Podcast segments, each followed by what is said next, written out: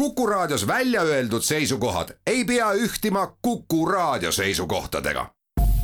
Te kuulate Kuku Raadiot.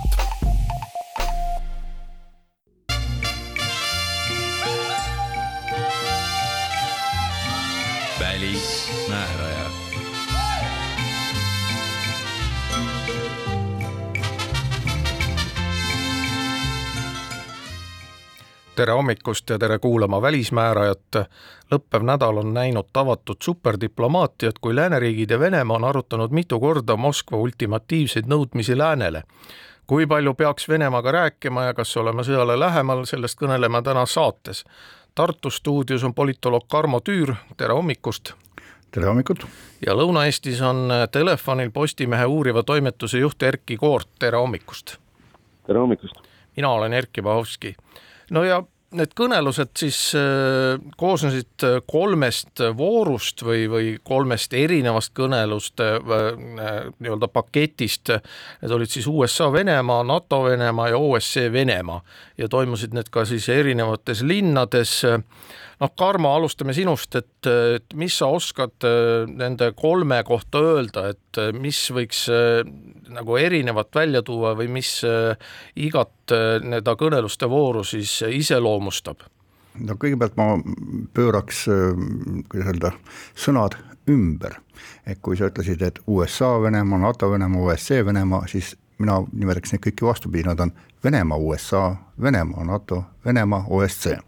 asi on selles, et see kogu formaat on ju käima tõmmatud Venemaa poolt ja selles mõttes hetkel Venemaa juhib seda diplomaatilist mängu. teeb ta seda hästi või halvasti, on omaette küsimus, aga igal juhul äh, need formaadid kõik on käima tõmmatud äh, Moskva poolt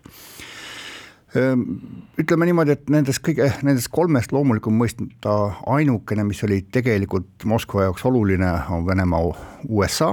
sest et NATO-t noh, Venemaa paneb pahaks ja hea meelega ei räägiks üldse NATO-ga läbi, sest et NATO ei ole väärikas organisatsioon tema meelest. Ja, ja mis mul kõige rohkem tekitas hämmingut, on see, et kuidas ja mis valemiga tekkis siia üldse see kolmas, see Venemaa OSCE, sest et need eh, detsembrikuus esitatud nõudmiste paketid olid suunatud eh, USA-le üks ja NATO-le teine ja OSCE-le ei olnud suunatud mitte midagi ja kui ma nüüd jälgisin siis eh, niimoodi Venemaa enda retoorilist pilve alates blogidest, lõpetades ametlike kanalitega siis eh, noh, selline üldistus on see, et, et kõik eh, ütlevad, et oi, kuidas ikka OSCE-l vedas, et eh, noh, neile üldse osutati tähelepanu ja peeti läbirääkimisi vääriliseks, sest noh, OSCE on ju täiesti mõttetu organisatsioon, see on lihtsalt üks selline jututuba ja huvitav, et kuidas nemad laua äärde pääsesid. nii et jah, see, see tõepoolest selline diplomaatiline tulevärk, mis ei, kus diplomaadid tegelevad mitte väga diplomaatidele omaste tegevustega, sest noh, diplomaadid peaksid läbi rääkima. antud hetkel need ei ole läbirääkimised, need on kõnelused, kus siis mõlemad pooled teatavad, et meie tingimused on sellised ja me ei kavatse teiega isegi mitte arutada läbirääkimisi, aga me lihtsalt tead-, teavustame või teavitame enda poole seisukohtadest. no Erkki Koort, mida sina ütled? jaa, tegelikult on, ma selle poolega nõustun, et, et need on Venemaa poolt ellu kutsutud ja Venemaa poolt selliselt äh, noh, ütleme niimoodi, et enda, enda parketikõlblikkuseks mängimisel ikkagi päris hästi õnnestunud äh, tegevus. nüüd äh, ma arvan, et Venemaa on väga teadlikult toonud siia kõrvale OSCE mõnes mõttes taandades NATO samale tasemele mis on võib-olla veel nende OSCE läbirääkimiste puhul olu-, noh, oluline või, või huvitav on see, et Venemaa on ise ju selle organisatsiooni liige tegelikult. Et, et see on noh, peaaegu sama, kui, kui toimuksid äh, Kanada, NATO kohtumised. et see on, see on nagu päris huvitav käik ja, ja natukene on Venemaa tõstnud ennast selle käiguga OSCE ülejäänud liikmesriikidest kõrgemale Äh, ja, ja ma arvan, et selle, selle põhipõhjus on, on äh, nii-öelda NATO natukene allapoole toomine. Sest sellega ma olen ka nagu täiesti nõus, et Venemaa hea meelega ei räägiks NATO-ga, Venemaa räägiks Ameerika Ühendriikide, teiste suurte NATO liikmesriikidega, aga NATO-s on, on nende jaoks lihtsalt liiga palju riike, keda see formaat Venemaa arvates aitab kuidagi, kuidagi esile kergitada. nüüd noh, minu jaoks on muidugi ka see, et miks Venemaa üldse sellist asja initsieeris, nagu igasugused punased jooned ja muud asjad, ma arvan, et isegi Venemaa ei saanud oma naiivsuses või nahaalsuses eeldada, et, et väed lükatakse tagasi külma sõja joonele ja, ja lahendatakse ära ka äh, igavesti NATO laienemise probleem. et äh, ma arvan, et Venemaal olid, olid märksa peenemad eesmärgid seal. ja mis need peenemad eesmärgid siis olid äh,? ma arvan, et Venemaa äh, selle kattevarjus tegelikult äh, päris selgelt jälgis, äh, mil-, kuidas toimub selle punaste joonte arutelu NATO pealinnades ja noh, väliselt oli NATO ühtne äh,, aga noh, on selge, et erinevates pealinnades ei näe kõik Venemaa ohtu sarnaselt äh, nagu meie näeme seda Tallinnas. see on päris kindel ja, ja selle käigus on ikkagi Venemaal olnud väga selgelt võimalik jälgida, kui ühtne NATO seestpoolt tegelikult on. ja, ja ma arvan, et see on nagu päris kaval käik ka selles mõttes, et et äh, üldiselt äh, noh, me teame, et, et agressori isu süües pigem kasvab. aga millegipärast eeldatakse ikkagi, et äh, noh, äkki on võimalik ikkagi Venemaaga kuidagi kokku leppida, äkki on võimalik mingisugust, pakkuda talle midagi, et ta nagu maha rahuneks ja nüüd, kui Venemaa on justkui saanud ühtse vastuse NATO-lt, et need punased jooned ei, ei sobi, mis on maha tõmmatud, siis äh, noh, kuidas töötab nagu inimpsüühika, töötab selliselt, et noh, me saime nüüd võidu, aga noh, viisakas oleks sellele teisele poolele ka midagi anda. ja nüüd on väga huvitav, et mis asi see midagi on, mida teisele poole on viisakas anda. no Karmo, et äh, sinu arvamus ka selle kohta, et äh, noh, Erki juba ütles, et et Venemaa ei saanudki väga tõsiselt uskuda neid äh, oma nõudmisi. Ja siit muidugi see loogiline küsimus, et äh, kas siis see, et Moskva nüüd väljendas pettumust nende kõneluste ebaõnnestumise üle, et kas see pettumus oli siis ka ehtne, et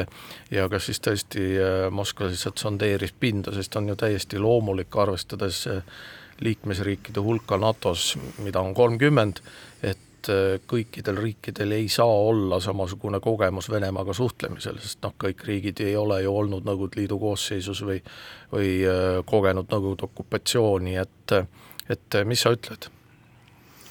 noh jah, et kas need, kas need nõudmised olid äh, mõeldud üldse, eks ole, nüüd arutlemiseks, ammugi täitmiseks ja et kas see pettumus oli ehtne, ei muidugi mõista mitte. see oli niisugune teatraalne,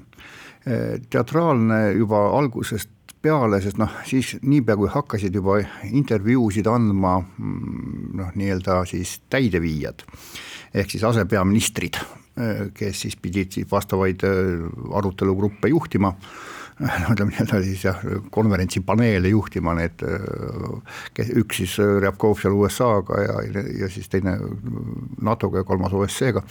et nende meeste sõnadest hakkas peegelduma üsna kohe seda, et, et noh, ei noh, ega me teame ju, et ega sealt teiselt poolt mingit vastust ei tule, aga me lihtsalt peame need asjad esitama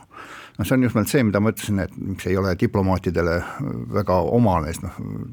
kas siis Vene diplomaadid on kõik in corpore kaotanud äh, professionaalsuse, et nad lähevad lauale panema punkte, mis noh, nagu põhimõtteliselt ei ole mõeldud üldse arutluseks. et ei, see on just nimelt see on lääne kompamine, läänes segaduse külvamine, mm, juht tähendab, kuidas öelda, sellise õhtujuhi rolli endale võtmine, sest noh, mis on üks Venemaa frustratsiooni allikaid, on see, et ta on, äh, vähemalt äh, kirjeldab seda niimoodi, et nad tajuvad, et pidevalt Venemaa on pidanud kaasa mängima lääne mängu. Et reageerima sellele, noh enamasti siis nii-öelda nagu nemad ise jälle seda tajuvad, äh, kaitsepositsioonidelt, et noh, lääs midagi teeb, Venemaa reageerib, Venemaa on lihtsalt sunnitud midagi tegema aga nüüd siis üle, üle pikkade aegade Venemaa võtab juhtrollid enda kätte.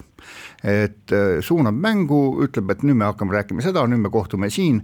ja, ja, ja need, kuidas öelda, see juhi rolli võtmine oli isegi olulisem kui need punktid, mis lauale pandi. nüüd, kui me räägime sellest lauale pandud punktidest, mm, siis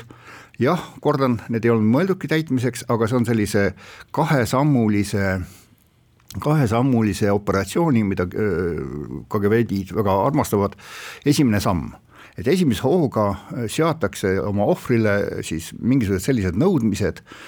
mida no, too ei saagi täita, tekitatakse oma ohvrile probleem, lahendamatu probleem.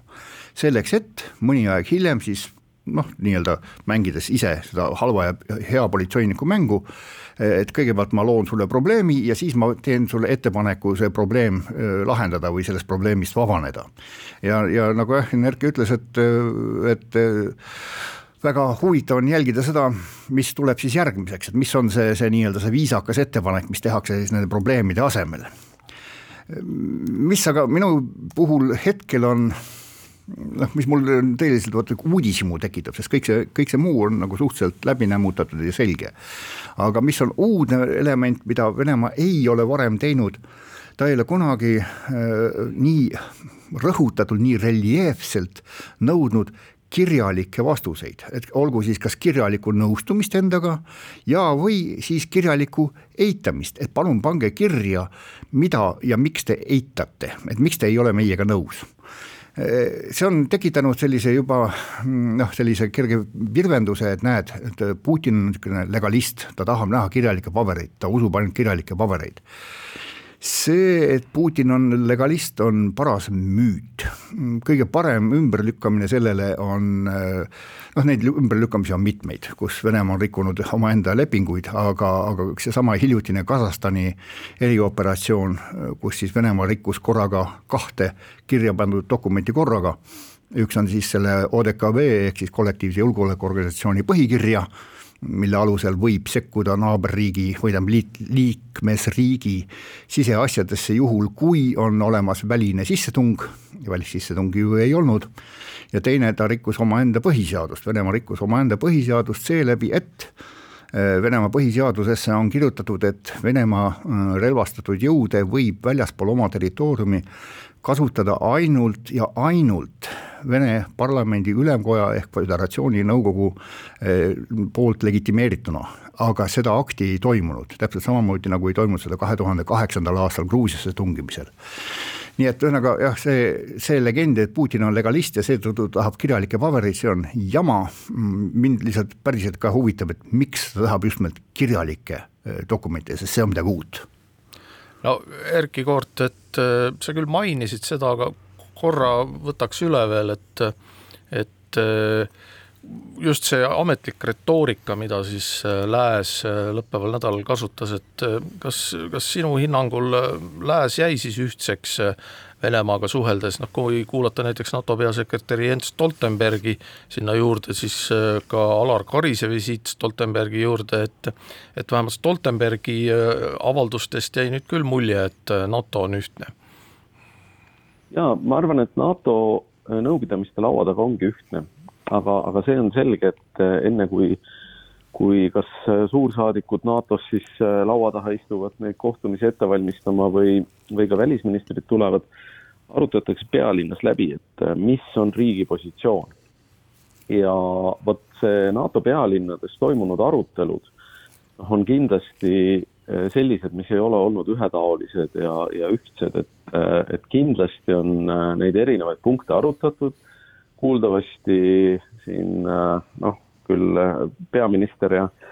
meie peaminister siis ja, ja kaitseminister äh, tembeldasid, eks äh, siin mõned Ameerika ajakirjanikud Venemaa mõjuagentideks,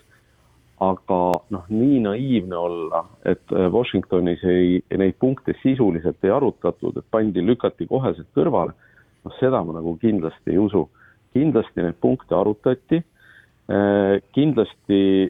mängiti läbi, millised on ühel või teisel juhul stsenaariumid või järgmised käigud ja noh, miks, miks äh, tihtipeale lekivad ka Washingtonis äh, mõned äh, paberid või, või kavad avalikkuse ette. lekivad teinekord seetõttu, et neid tahetakse avaliku survega lihtsalt ära hoida, neid võimalikke käike või võimalikke arutelusid, kas nüüd ameeriklastel noh, päriselt oli plaanis midagi sellist venelastele välja pakkuda aga, aga ma ütlen kindlasti seda, seda, seda räägiti ja, ja neid erinevaid kombinatsioone läbi mängiti.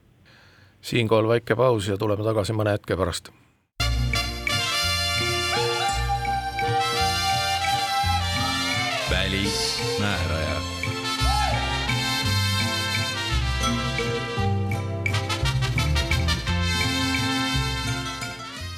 tere tagasi kuulama Välismääret, Tartu stuudios on Karmo Tüür, Lõuna-Eestis telefonil Erkki Koort ja Tallinnas Erkki Ohovski ja räägime edasi Lääne-Venemaa kõnelustest ja selle diplomaatia tulemustest. no Erkki Koort praegu ju peaaegu kõik on ju kinnitanud, et nüüd pall on jälle siis Venemaa käes, et meie Venemaa presidendi Vladimir Putini pähe ei näe, aga noh, räägitakse väga palju sellest, et nüüd Venemaa peab midagi tegema, sest muidu ta jääb lolli olukorda, aga ma viskan õhku ka väikese spekulatsiooni, et et äkki ei pea ikkagi midagi tegema, sest, sest noh, Venemaa üks nende ultimatiivsete nõudmiste nii-öelda katalüsaatorid oli just see NATO paberisse kirjutatud lubadus, et NATO võtab liikmeks Ukraina ja Gruusia, noh, sai see kirja kaks tuhat kaheksa Bukaresti tippkohtumisel, aga pärast seda ei ole ju Gruusia ja Ukraina saanud NATO liikmeks ja sellest on juba peaaegu üksteist aastat, kui see dokumenti kirja sai ja võib ju ka arvata, et noh, et äkki siis Venemaa pani ka lihtsalt need paberile kirja ja nüüd äh, põhimõtteliselt elatakse nagu paralleelselt, et on dokumendis kirjas NATO laienemine ja teises Venemaa dokumendis või, või jah, noh, dokumendis ikkagi on kirjas siis see, et Venemaa tahab äh,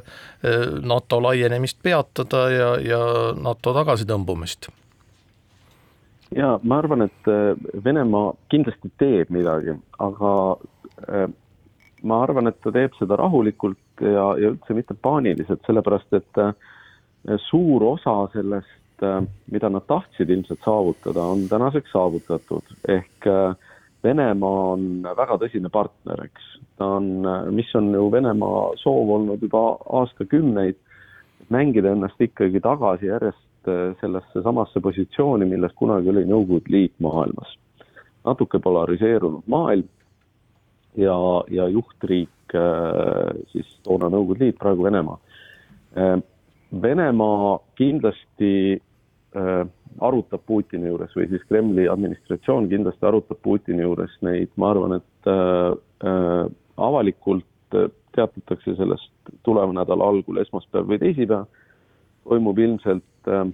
Venemaa Julgeolekunõukogu istung siis president Putini juhtimisel mäletatavasti eelmine Julgeolekunõukogu istung toimus päev pärast äh, Venemaa-Ameerika tippkohtumist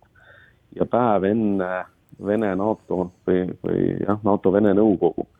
et, äh, et selles suhtes kindlasti sellest tehakse nagu avalik selline äh, mõnes mõttes meediashow,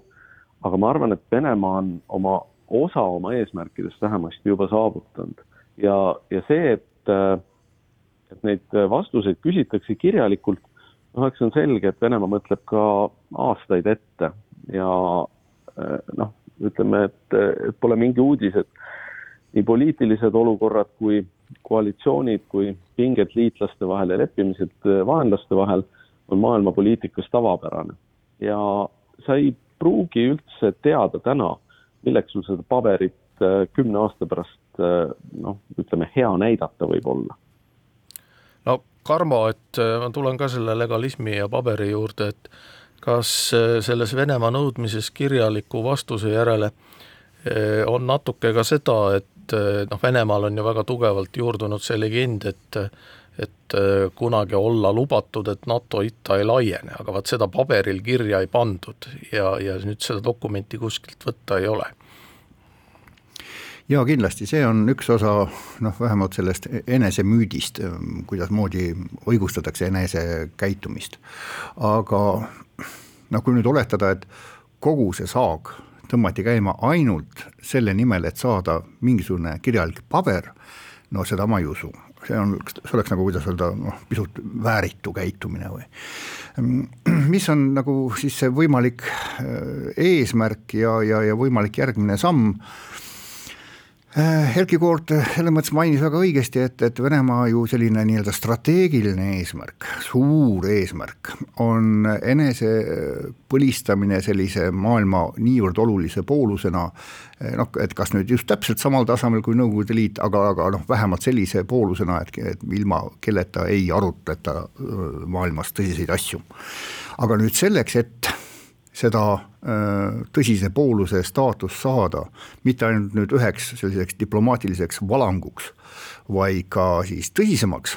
on vaja seda kuidagimoodi ju juurutada. ja vot nüüd ma pakun ühe võimaliku stsenaariumina välja selle, sellise, kuidas öelda, seletuskäigu, kus ma haaran kinni Vene retoorikas korduma kippuvast sõnapaarist, mis on ka uus see on nimelt, et me jätame endale vabaduse sõjalist-tehniliseks vastuseks mida see tähendab, no esimene hoog on muidugi see, et oh sa pagan, nüüd lükatakse tankidele, tankidele mootorid käima ja, ja veeretakse kuskile üle piiri. ehk siis selline kineetiline lahendus. aga sõjalis-tehniline vastus võib olla ka uute relvasüsteemide paigutamine sinna, kus neid varem ei olnud no näiteks ma praegu, see võib, ma või, oh jumal küll, ma olen väga rahul, kui ma eksin, aga üks võimalik seletuskäik on selline, et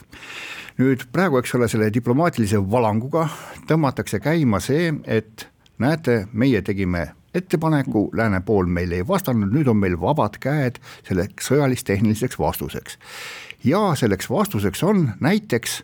raketibaaside paigutamine tinglikult Kuubale Venezuelasse, no ma ei tea Mehhikosse, no vahet ei ole, ühesõnaga kuhugi USA lähedale panna püsti öö, füüsiline selline raud, mis annab ühe täiendava õla mingites järgmistes mm, läbirääkimistes, mingites järgmistes jõu projitseerimistes, igal juhul et ilma selle praeguse noh, ütleme tinglikult siis retoorilise lahinguta oleks Venemaa see samm nüüd siis oma raketibaaside näiteks püstipanek, vot ütleme Venezuelas, oleks õigustamatu. Aga nüüd vot selle lahingu järel, kus siis Lääs on öelnud, et me ei kavatsegi teie ettepanekuid arutada, on Venemaa noh, kui selle käed vabad seda tegemaks nii et see on üks selline võimalik seletus, noh teine on, no ütleme umbes, et lükatakse äh, allveelaevad äh, USA lähedale, noh raketikandjad, no need on seal tõenäoliselt kogu aeg olnud, see ei muuda suurt mängu. aga just nimelt millegi sellise tavatu tegemine, mis siiamaani oleks olnud õigustamatu ja nüüd selle järel muutub vähemalt Moskva retoorilise enesepildi kohaselt õigustatuks. no Erkki Koort põhipõhjuseks äh, vähemalt näiliselt äh, on ikkagi äh, Ukraina. Ja ja küsingi, et, et kas see abi, mis nüüd Ukrainale on antud ja mida on ka lubatud, et kas see on piisav, et noh, tegelikult on ju ka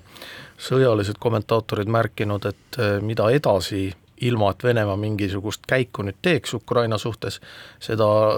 rohkem on Ukrainal aega ju seda abi vastu võtta ja, ja, ja selles mõttes oma positsiooni parandada jaa, kindlasti, ega äh, ühelt poolt võib jah vaadata, et see aeg töötab justkui Venemaa kasuks selles mõttes, et äh, noh, Lääs on sellest konfliktist juba väsinud mõnes mõttes, see on äh, saanud selliseks asjaks, mis, mis kogu aeg toimub, eks, et, et kui kaks tuhat neliteist sellest räägiti pidevalt, eks, siis täna enam mitte, et see on nagu selline, selline noh, mitte aktsepteeritav reaalsus, aga tegelik reaalsus, mida aktsepteeritakse. nüüd teiselt poolt on tõesti see, et äh, alates selle konflikti algusest on Ukraina armee väga kõvasti arenenud. Ja Ukraina on arenenud riigina ja noh, öeldakse ka seda, et äh, ukrainlased on arenenud rahvusena. Ehk et äh, Venemaa äh, või noh, ütleme Putin isiklikult siis võitis juurde küll pisut territooriumi, aga kaotas terve rahvuse noh, kindlasti on see, et, et äh, on mingisugust tehnoloogiat, mida ukrainlased täna kas ei suuda osta või neile noh, lihtsalt ei anta, eks, et, äh, et Ukraina puhul öeldakse üheks kõige nõrgemaks kohaks olevat õhuväge ja noh, muidugi mereväe praktiline puudumine peale Krimmi annekteerimist. Et need on nagu suured võimed, mida neil on endal keeruline arendada, aga noh, on ka päris ebatõenäoline, et äh, keegi aitab need Ukraina jaoks välja arendada lihtsalt. Äh, väga pikk diskussioon käis ju selle üle, et kas anda Ukrainale surmavat tehnikat äh, abina või alguses ju anti ainult kiivreid ja killuveste ehk kaitsevarustust. nüüd on see oluliselt muutunud ja tegelikult Ukraina on ennast relvastanud, noh, ütleme, et see pilt on tundmatuseni muutunud et igal juhul konflikti korral Venemaa noh, mida kauem ta venitab, seda tugevam vastane tal vastas seisab, samas äh, seda rohkem teiselt poolt jälle harjub lääs selle pideva konfliktiga, mis ühel juhul võib tekitada olukorra, kus äh, noh, kellegi jaoks ei ole see enam uudis niikuinii, aga, aga tekitab olukorra, kus enam ei, ei anta seda varustust, sest see konflikt on seal pidevalt olnud ja no Karmo, mis, mis sina arvad, et noh, lihtne lihtsalt ka aritmeetika ütleb ju, et Ukraina on ikkagi natuke suur, et Ukraina ei ole Gruusia, et tegemist on riigiga, kus on nelikümmend viis miljonit elanikku, noh, sealt läheb natuke nüüd seda Donbassi piirkonda maha, aga, aga ikkagi, et et nii suurt riiki noh, ei ole võimalik ju nii lihtsalt vallutada noh, nii ja naa, selles mõttes, et saavutada ühekordne sõjaline edu noh, on võimalik suhteliselt lihtsalt, eriti kui teine pool on demoraliseeritud. Aga seda territooriumi siis hiljem ka enda käes hoida ja hallata ja, ja, ja luua seal siis nii-öelda positiivse ima, positiivne imago vallutamise järel, see on väga palju keerulisem, nii et ütleme nii, et ma ei, ma ei ole sõjaväelane, ma ei tea, kas sellest saja tuhandest eh, mehest, kes on koondatud piirile, kas sellest piisaks nüüd selle lahingetapi võitmiseks, seda ma ei tea. küll aga ma tean seda, et juhul, kui Venemaa seda teeks, saaks ta enda kätte sisuliselt vaenuliku territooriumi, ehk siis territooriumi, mille elanikud ei taha olla Venemaa osa. nii et selles mõttes see mm, sõjaline operatsioon eh, Ukraina vastu noh, oleks lihtsalt väga rumal aga, aga jumala eest, see ei, see ei takista, see ei takista seda, et, et, et, et seda ei tehta. aga jällegi noh, ma ei ole, eks ole, sõjaväelane, ma olen politoloog ja mulle, minu põhiliseks mänguasjaks, millega, mida mina jälgin ja, ja mida ma armastan, on siis poliitiline retoorika ja mis mulle tõeliselt sümpatiseeris just mängu ilu mõttes Dmitri Peskovi siin vastus oli vist eile, kui ta siis eh, andis intervjuu, oli, oli selline, et me ei kavatse väita, et me, et me ei paiguta ründerelvastust Ukraina territooriumile selline läbi mitmekordse eitamise oli nüüd sisuliselt siis nii-öelda nendepoolne vastus äh, NATO mittevastusele, et, et NATO ei kavatse väita, et nad ei kavatse jätkata uute liikmesriikide vastuvõtmist. et ja nüüd siis Venemaa vastus on sellele, et me ei kavatse väita, et me ei paiguta relvastust Ukrainasse. see on selline mm, päris ilus sõnaline pingpong, kus äh, Ukraina on siiski mitte, mitte Erki, saatejuht Erki, Mahhovski Erki, eh, sina väitsid, et, et Ukraina on see peamine eesmärk, ei ole. Ukraina on siiski vaheetapp, mm, saavutamaks ja põlistamaks enda positsiooni. Ukraina ei ole see peamine eesmärk, mille nimel kogu lahing käib, lahing käib siis ikkagi sellesama maailma strateegilise jagamise vahel. Ukraina on ainult selle väga oluline etapp et kas nüüd Venemaa laseb Ukrainal minna, ei, ta kindlasti ei lase, aga ta kavatseb teda hoida selle sõja hirmutuse konksu otsas öö, pidevalt. sest praegu on ju noh, mis toimub väga laias laastus, on selline kahetine heidutamine, mitte ainult meie ei heiduta Venemaad, et umbes, et kui Venemaa alustab sõda, siis meie vastame ettearvatult, ehk siis majanduslike sanktsioonidega. samamoodi Venemaa heidutab läänd, et kui lääs ei tee seda, mida meie tahame, ehk siis ei anna meile garantiisid, siis meie võime käituda ettearvamatult. on kaks erinevat maailma, kahe erineva käitumisloogikaga, aga mõlemad pooled tegelevad üksteise heidutamisega, kusjuures mõlemad pooled teevad seda vähemalt noh, niimoodi mm, sõnalisel tasandil väga usutavalt uskudes oma sõnadesse, et ei saa öelda, et Venemaa pool täiesti küüniliselt mängib mingisugust mängu e, ja ta tegelikult ei usu oma sõnadesse. ma arvan, et Venemaa pool teeb seda täiesti siiralt, tajudes, et lääs on teda hanitanud ja nüüd on aeg kand maha panna ja öelda, et vaata, enam meid ei hanita. siin on meie piirid, Ukraina on meie piir ja seda me teile ei anna no Erkki Koort, Karmo juba jõudis mainida sanktsioone ja siin on nüüd ju spekuleeritud ka, et, et missugused need sanktsioonid võivad olla, USA on öelnud, et tal on see sank-, põhimõtteline sanktsioonide nimekiri valmis, aga ta ei ole seda avalikustanud, kas sa usud näiteks seda, et ameeriklased on tegelikult venelastele diplomaatilisi kanaleid pidi öelnud, et, et noh, need sanktsioonid tulevad sellised ja noh, venelased teavad seda, et mis nüüd tuleb, aga neid ei tehta veel avalikuks ma ei tea nüüd, kas ameeriklased on venelastele öelnud, aga ma usun, et äh, venelased teavad, äh, mis asjad need on. sest mul ei ole mingit kahtlust, et venelased on selle oma luureteenistuste kaudu juba kätte saanud, kas inimallikate või, või küberluure kaudu. Ähm, ma arvan, et, et tegelikult noh, siin on räägitud noh, paljuski, eks sellest äh, rahvusvahelisest äh, maksesüsteemist väljalülitamisest,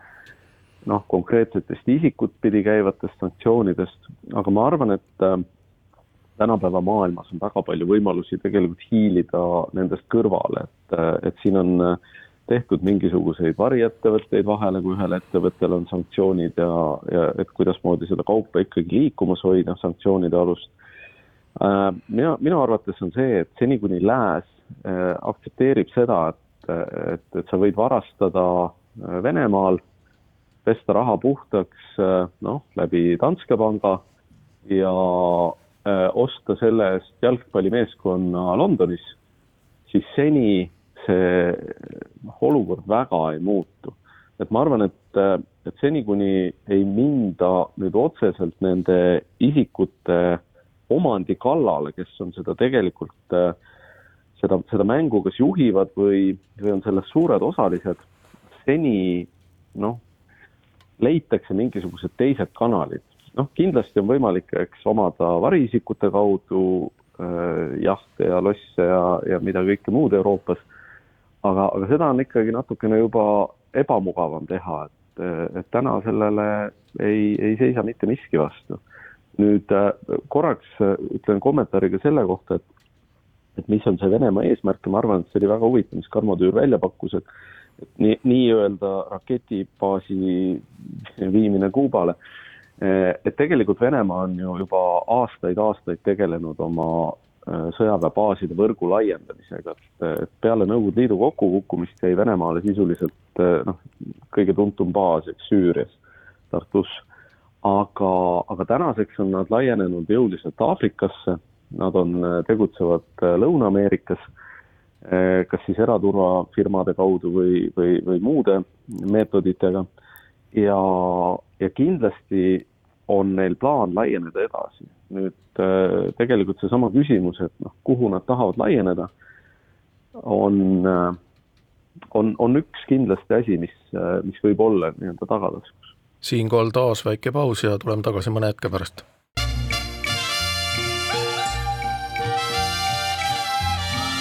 välismääraja.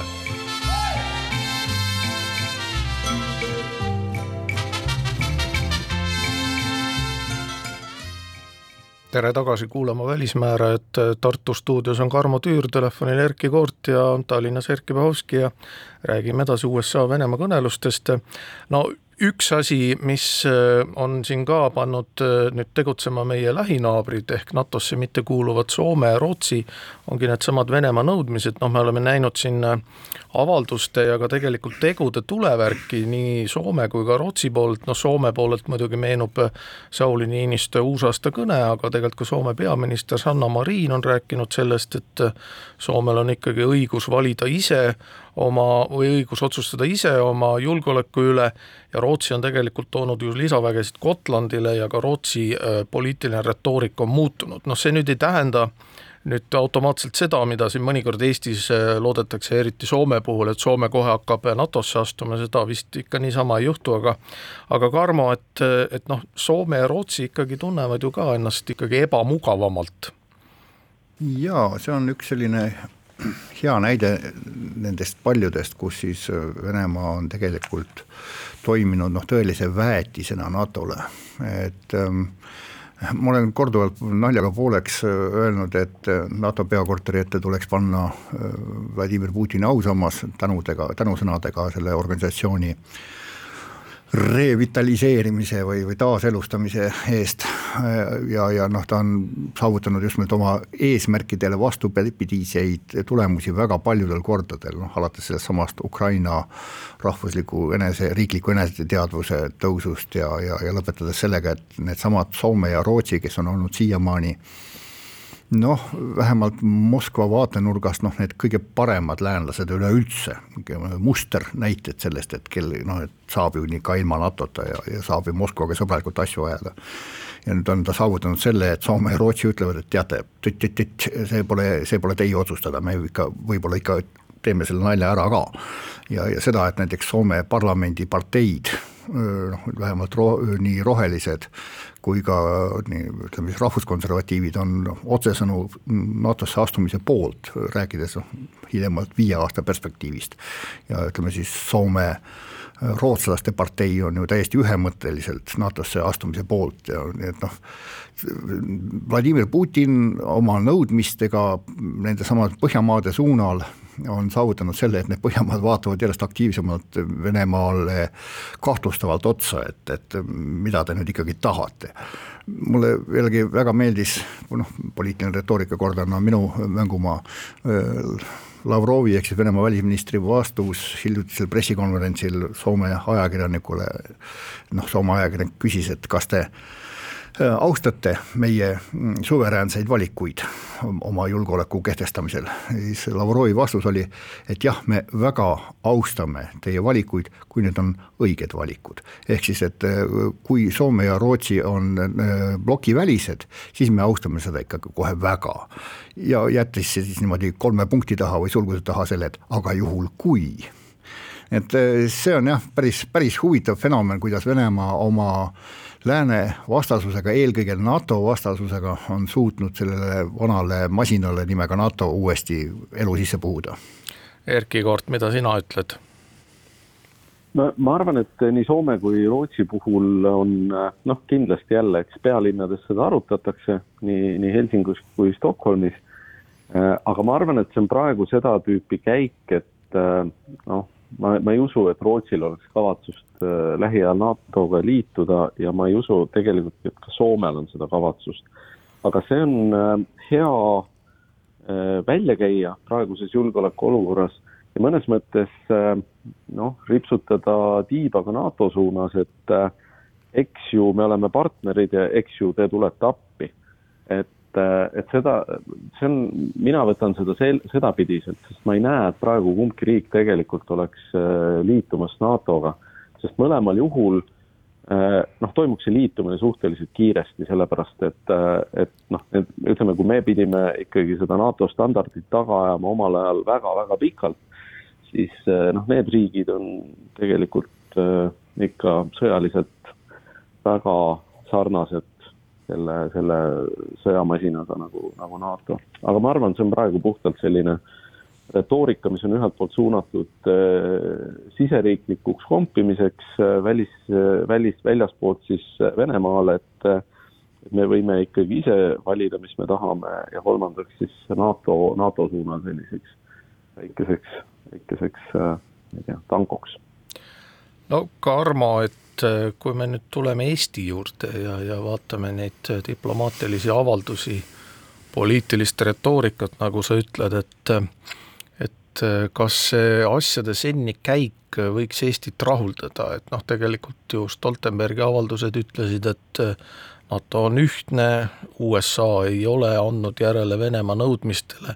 ja noh, ma arvan, et Eesti valitsus ju ka ikkagi arvestas sellega, et mida Erkki Koort ütles, et, et noh, NATO pealinnades võib olla erinevaid arvamusi Venemaa suhtes, aga aga see retoorika, mis seni on olnud, et kas sellega Eesti võib rahule jääda? jah, noh vaat alustan võib-olla natukese kentsakalt, et et oletame, et NATO on ühtne, aga, aga, aga tegelikult liikmesriigid ei ole ühtsed, sealhulgas ka Eesti ei ole ühtne ka Eestis sees kostavad täiesti tõsiseltvõetavate inimeste või no okei okay,, noh üsna tõsiseltvõetavate inimeste suust äh, väited, et ei ikka noh, tegelikult meil on, oleks ikka nagu Venemaaga ju ikkagi nagu parem ju nagu või. et vaadake, elektrihinnad olid ennem odavamad ja gaasihinnad olid odavamad, kui me olime ikkagi nagu Venemaaga sõbralikes suhetes ja ja et kas meil ikka on vaja kogu seda tantsu ja tagaajamist NATO-ga ja kas me ikka peame Venemaad kogu aeg niimoodi ruineerima oma, oma urinaga, nii et äh, Eesti sees on ka meil äh, ka poliitilisi jõude,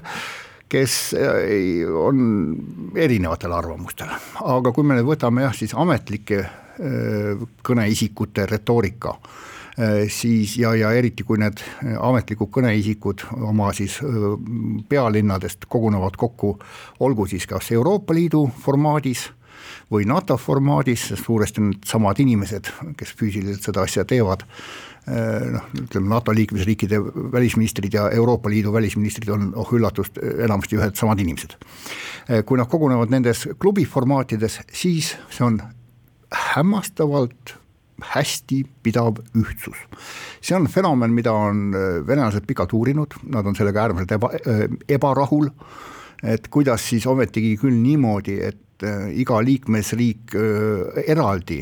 võib olla täiesti mõistlik äh, kahesuunalisel nagu formaadis, ehk kui Moskva räägib otse läbi noh, ma ei tea, ütleme seal Viiniga või, või, või Budapestiga või, või kellega iganes, et noh, siis on nagu täitsa ju mõistlikud poisid. aga näed, kui nad kogunevad kokku, siis on paganama russofoobide kamp et mis värk on, kuidas see niimoodi juhtub. no see seletuskäik ja, ja, ja kuidas venelased seda ise endale lahti tõlgivad, see oleks pikk rääkimine, pole oluline hetkel. aga, aga oluline on see jah, et NATO ja Euroopa Liit on olnud üllatavalt äh, vettpidavad organisatsioonid, kui nad satuvad välise surve alla. ja kuna praktiliselt ainukene väline survestaja on Venemaa, siis tulebki välja, et jah, need kaks organisatsiooni peavad vähemalt seni päris hästi oma sõna ja vett, juhul kui kõne all on Venemaa. no Erkki Kort, mida sina arvad, kas Eesti valitsus võiks olla rahul? ma, ma arvan, et äh, Eesti valitsusele, mulle tundub, et tuli ikkagi natuke ootamatusena see, et, et seda äh, meie liitlased äh, siin-seal äh, arutasid neid NATO, Venemaa esitatud punaseid jooni, sellepärast et see avalikkuses äh, toimunud selline noh, kerge äh, segaduses tõmblemine lihtsalt ei jätnud teistsugust muljet ja, ja kuuldes ka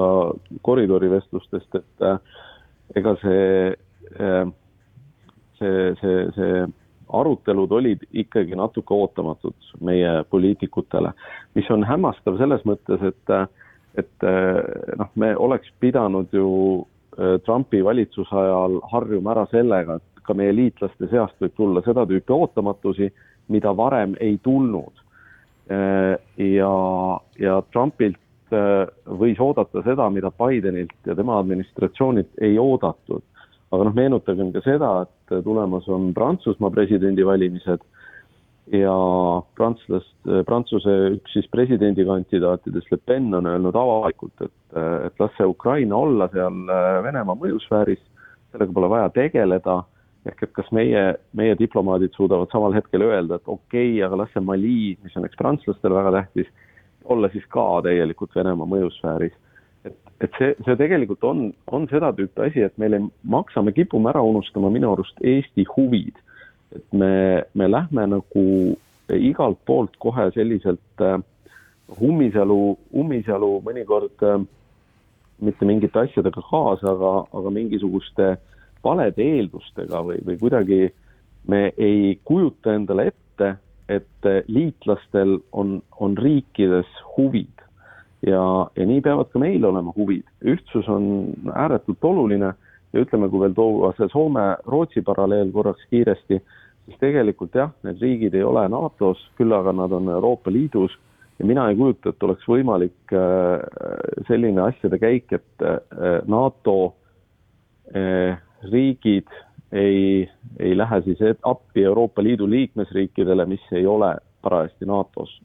ma arvan, et see oleks ühe või teise organisatsiooni lõpp. no Karmo, et umbes kaks minutit on saate lõpuni, et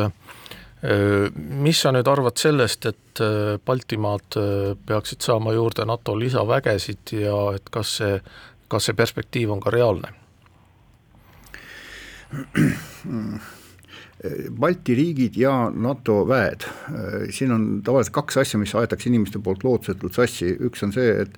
räägitakse mingitest müstilistest NATO baasidest Balti riikides, mis peaks nüüd siis Venemaa nõuete kohaselt taanduma. NATO baasid on meie enda sõjaväeosad. sest Eesti on NATO liige Ja. just, et me ei saa siit NATO väeosi kuidagimoodi ära kaotada ilma iseseisvuse kaotamiseta. teine on see, et kas siia peaksid tulema liitlasväed, mis on hoopis teine rida. Jah, nad on siin juba olemas jah, ja tõenäoliselt neid tuleb siia veel juurde, kui mitte muul moel, siis rotatsiooni korras tuleb uusi mehi juurde, sest et vanad lähevad välja ja neid võib selles mõttes ka täiesti rahulikult juurde tulla tänu Vladimir Putinile, sellepärast et Venemaa nõuab, et neid siia ei tuleks, siis üldiselt kipuvad asjad minema risti vastupidi. no Erkki Koort, sa saad umbes minuti veel, mis sa ütled? Ja ma, ma arvan sedasama, et suure tõenäosusega NATO kohalolek äh, suureneb, siis äh, noh, teatavasti on Eesti enda kaitsevägi seadnud eesmärgiks äh, suurenemise ja, ja ma arvan ka, et liitlasvägesid tuleb siia juurde ma arvan, et, et tegelikult nüüd oleks hea hetk tuua ära, nii nagu toodi kunagi liitlased sinna Tapa sõjaväelinnakusse, nii nagu toodi Ämarisse õhuturve, nüüd oleks tegelikult õhutõrje liitlaste kaudu noh, võiks jalad alla saada. see võiks olla eesmärk no tore, selline oli tänane Välismääraja saates osalesid Karmo Tüür, Erkki Koort ja Erkki Pahovski, kõike head ja kuulmiseni!